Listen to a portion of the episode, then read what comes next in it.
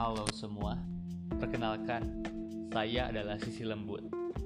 Sisi lembut dari diri saya, atau mungkin sisi lembut dari kalian semua. Karena setiap manusia memiliki sisi lembut, bukan? Sekasar-kasarnya preman pasar, atau sejahat-jahatnya mantan pacarmu, mereka pasti tetap memiliki sisi lembut. Mungkin kalian bertanya, apa sih sisi lembut itu? Sebenarnya saya juga kurang tahu. Cuman saya hanya menyimpulkan saja dari pengalaman dan juga perasaan sewaktu dulu. Karena dibalik kuatnya seorang manusia, pasti dia itu selalu memiliki sisi lembut.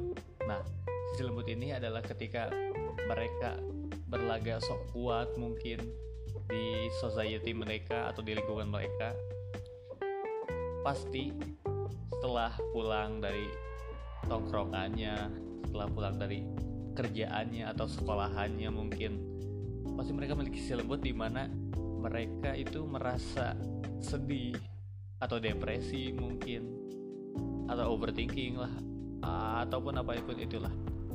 Nah di podcast ini mungkin saya akan sedikit menuangkan sisi lembut dari diri saya yang mungkin bisa relate dengan kalian agar kalian tuh nggak apa ya gak merasa sendiri gak merasa sendiri kalau misalkan banyak juga orang lain yang sedih yang punya masalah.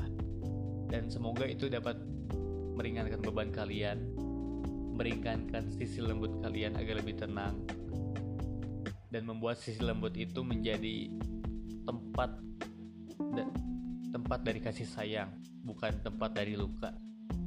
Nah, mungkin sedikit saja untuk episode pertama dari podcast ini, hanya beberapa perkenalan, dan mungkin ke depannya akan banyak cerita sedih atau mungkin cerita bahagia. Jadi terus aja pantengin di podcast Sisi Lembut. Terima kasih sebelumnya, senang sekali bisa bergabung. Bye.